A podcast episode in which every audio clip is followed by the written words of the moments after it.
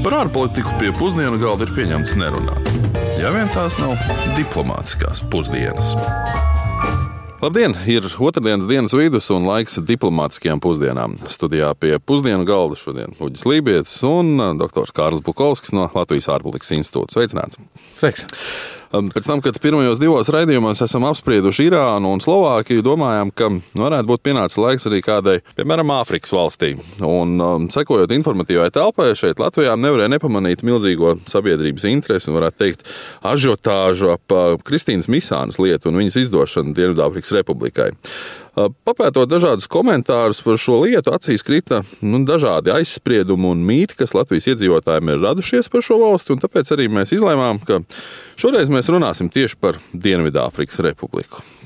Kas tev nāk pirmais prātā, kad mēs runājam par Dienvidāfriku? Nē, nu, noteikti noziegumos apsūdzētās Kristīnas Misānas eh, jautājums. Es drīzāk teiktu, ka pilnīgi noteikti Nelsons Mandela, Nobela prēmija laureāti, eh, sasnieguma medicīna apartīts, kodolprogramma, no kuras valsts ir atteikusies, regbijs. Tev patīk sports, tad regbijs noteikti. Nu, jā, regbijs. Starp citu, Dienvidāfrika ir tieši pasaules čempioni pašreizējie pagājušā gada aizcīnījumi. Nu, redz. Un, nezinu, interesanti zināt, vai Latvijas iedzīvotāji, ko viņi ir uzzinājuši visa šī nesenā skandāla kontekstā. Jo es zinu, tiešām, ka klausītājiem ir gan spējas, gan interese parasti meklēt informāciju par to, ja kāds jautājums aktualizējas. Tāpēc mēs izsūtījām ielās mūsu kolēģi Uldi Česberi. Viņš vaicāja iedzīvotājiem, ko jaunu viņi ir uzzinājuši par Dienvidāfriku tieši pēc Kristīnas Misānas lietas. Paklausīsimies! Ko jūs zinājāt par Dienvidāfrikas Republiku pirms Misānas lietas, un ko jūs jaunu uzzinājāt? Par Dienvidā, no Dienvidāfrikas Republikas? Nē, vispār es neko daudz nezinu par to. Nezināju arī pirms tam. Nu, Geogrāfijas, kur viņi atrodas, tas ir viens. nu, par to režīmu maiņām tur jau bija iepriekš dzirdēts vispār.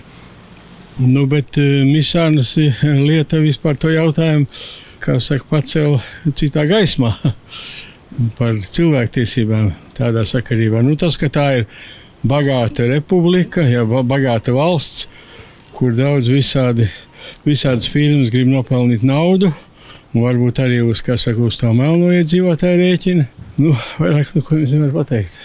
Pilnīgi neko. Neko neizsaka. Neko neizsaka tas.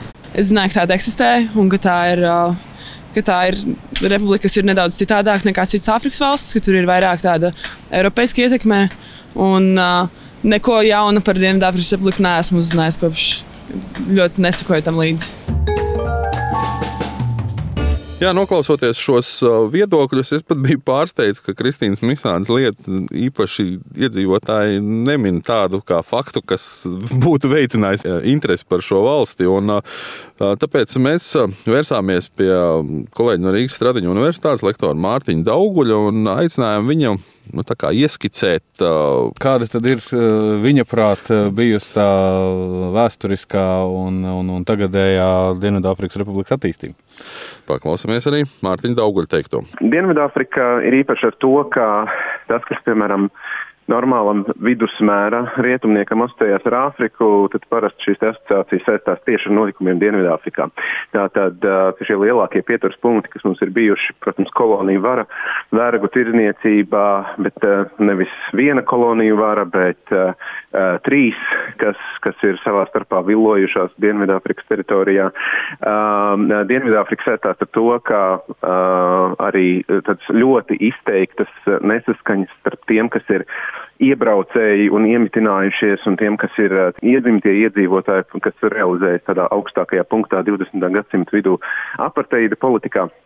Un, uh, protams, caur visiem šiem nosacījumiem Dienvidāfrika vienmēr ir bijusi kā tāda esence visiem notikumiem Āfrikā. Kā tad šis koloniālisms, postkoloniālisms atrisināsies?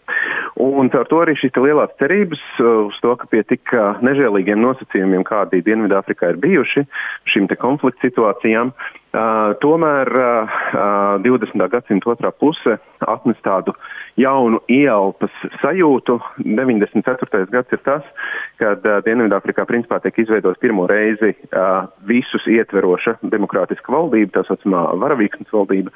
Un tad no šī 94. gada patiešām ir tāds milzīgs un, un 3-4 gadu laikā tāds strauji izrāviens visās jomās. Un uh, šķietami uh, rodās tā sajūta, ka, nu, lūk, Dienvidāfrikas republika ir tā, kas, kas ir spējusi tikt galā un atradusi savu ceļu. Kā jau dzirdējāt Mārtiņa Dauguļa teiktajā, tad uh, liela loma Dienvidāfrikas pašreizējā attīstībā noteikti ir aparteida režīmam, kas valdīja Dienvidāfrikas republikā pagājušā gadsimta otrajā pusē. Un, uh, aparteids ir mazākuma vara pār vairākumu, ja tā varētu mm -hmm. teikt. Nu, Šajā gadījumā institucionalizēts rasisms. no uz papīra mērķis bija tiešām nodrošināt vienlīdzīgu attīstību, kultūras izteiksmes, brīvību, taču faktiski Dienvidāfrikā ilgus gadus valdīja tādi likumi, kas piespieda dažādu rasu pārstāvjiem dzīvot šķirti un arī attīstīties šķirti. Šī nevienlīdzība, kas ir radusies tagad un joprojām pastāv Dienvidāfrikā, tā ir saknes šajā apartīda sistēmā.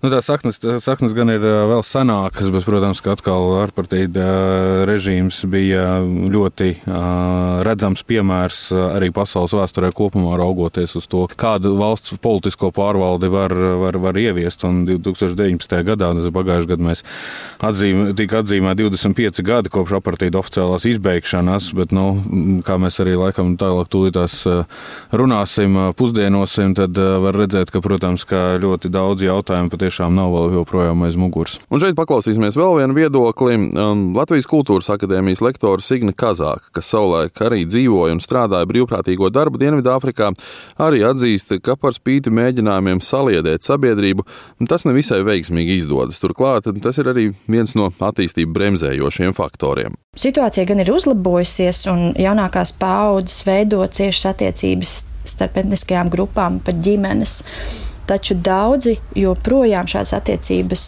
neatzīst. Un šo rezervēto attieksmi pret attiecību veidošanu starp etniskajām grupām pamato nevis ar ādas krāsas atšķirībām, bet kultūras atšķirībām.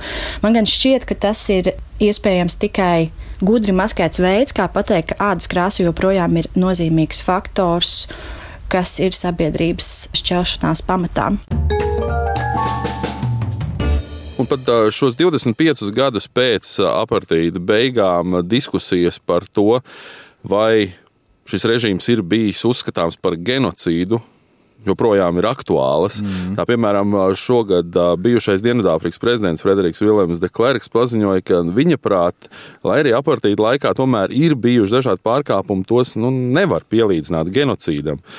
Āfrikas Nacionālais kongress gan ir atgādinājis, ka vēl 73. gadā apvienotās nācijas atzina, ka aparteids bija brutāls apspiešanas un, un attīstības apspiešanas mm. sistēma, un ka tā ir atzīstama par noziegumu pret cilvēku. Tā kā nu, 25 gadu laikā, lai arī neliels, bet tomēr attiecību uzlabojums ir bet sāpe ir dziļi, dziļi iesakņojusies. Tieši tā, jo nevienlīdzības jautājums, politiskās nevienlīdzības jautājums, tieši tāpat kā ekonomiskās nevienlīdzības jautājums, ir viens no sāpīgākajiem un visdziļāk iesakņojušamies jautājumiem, tikai tāpēc, ka tas ir mūsu visu katru individuālā izpratne, kas veidojas jau kopš bērnības par to, kas ir taisnīgi, kas ir godīgi un kas nav. Un tāpēc šajā gadījumā, protams, mēs redzam, ka šī situācija tik viegli arī tuvākajos gados tā vienkārši ar, ar, ar, ar burbuļu slotiņu neviens neaizslaucīs. Jo šeit ir jāpiezīmē, ka Dienvidāfrikā ir viens no augstākajiem ekonomiskās nevienlīdzības līmeņiem Nē, pasaulē. Tā, tā pats augstākais, jo principā, ja mēs skatāmies uz to pašu Pasaules bankas aprēķiniem, tad eh, pēc Gini koeficienta, kur, mm, kas tiek mērīts gradācijā no nulles, kas ir perfekta vienlīdzība, līdz viens, kas ir eh, perfekta nevienlīdzība, tad Dienvidāfrikas republikas rādītājs ir 0,63. Nu, mēs varam pasakāt, salīdzināt ar Latviju. Latvijai ir 0,35. Tas gan ir atkal. Tā ir divreiz labāk. Divreiz labāks, bet vienlaicīgi mēs arī esam viena no pati sliktākajām valstīm Eiropa. Eiropas Savienībā. Jā. Arī Dienvidāfrikas prezidents Sirils Ramafosa burtiski pirms dažām nedēļām atzina, ka valsts ekonomika nav augusi gandrīz desmit gadus, un, un lai arī tiek radītas jaunas darba vietas, bezdarba līmenis turpina augt. Tas pašlaik kopējais bezdarba līmenis ir kā 27%, un, Jā, jā. un uh, jauniešu vidū tie ir pat apmēram 55%. Tā ir puse no. Un šajā gadījumā tas ir, tas ir tieši melnādaino iedzīvotāju īpatsvars. Um, ekonomikas atkopšanās ir iestrēgusi, ir pastāvīgs enerģijas trūkums. Tas traucē gan biznesam, gan um, ikdienas dzīvei. Uh, valsts uzņēmumi nonākuši grūtībās. Um, Un faktiski nu, pilsoņiem nāks visu to iznest uz saviem jau tā vājiem pleciem. mm. Bet no otras puses, atkal skatoties, 90. gadu vidū gandrīz uh, 34% iedzīvotāji dzīvoja nabadzībā. Tas ir apartīda beigu laiks. Tas Jā, ir, bet arī, bet arī šobrīd, atkal jau pie nevienlīdzības atgriežoties, 10% bagātāko iedzīvotāju kontrolē 71% no visiem valsts ienākumiem, īpašumiem. Tā pašā laikā nabadzīgākie 60% viņi kontrolē tikai 7% no līdzekļiem. tad varbūt tad atkal šis uzlabojums no 90. gadiem, kad no 34% nabadzībā tagad tikai 18,8%. Tas arī nu, tas jāskatās ir kopējā plašākā kontekstā noteikti. Tieši tā. Bet runājot vēl par Dienvidāfrikas Republiku, nevar tomēr nepiebilst to, ka par spīti arī ekonomiskajām grūtībām Dienvidāfrika joprojām ir uzskatāma par pietiekami plaukstošu Jā. ekonomiku. Tā darbojas arī šajā valstu apvienībā BRICS, Jā. kurā ir gan Brazīlija, Krievija, Indija. Viņi tiek pieskaitīti. Jā. Jā.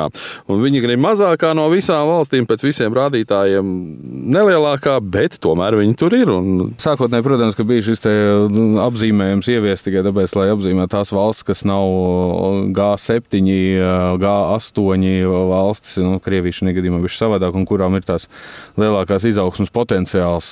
Bet nu, Dienvidāfrikas Republika, acīm redzot, ir pielikta klāt, jo nu, kaut vai tīri paskatoties, sākot- kādam no tā reģiona bija jābūt? Kaut vai tīri cīniski tā skatoties, protams, tieši tā.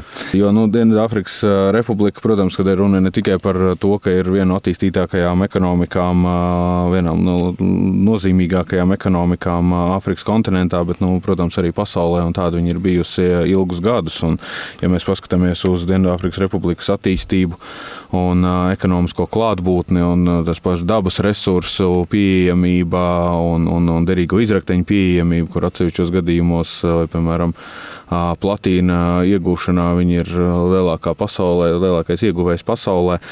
Un, protams, ka valsts, kurā ir nu, gandrīz 60 miljoni iedzīvotāji, tas tomēr ir diezgan, diezgan liels rādītājs uz tās ek- ekonomiskās izaugsmas potenciālu.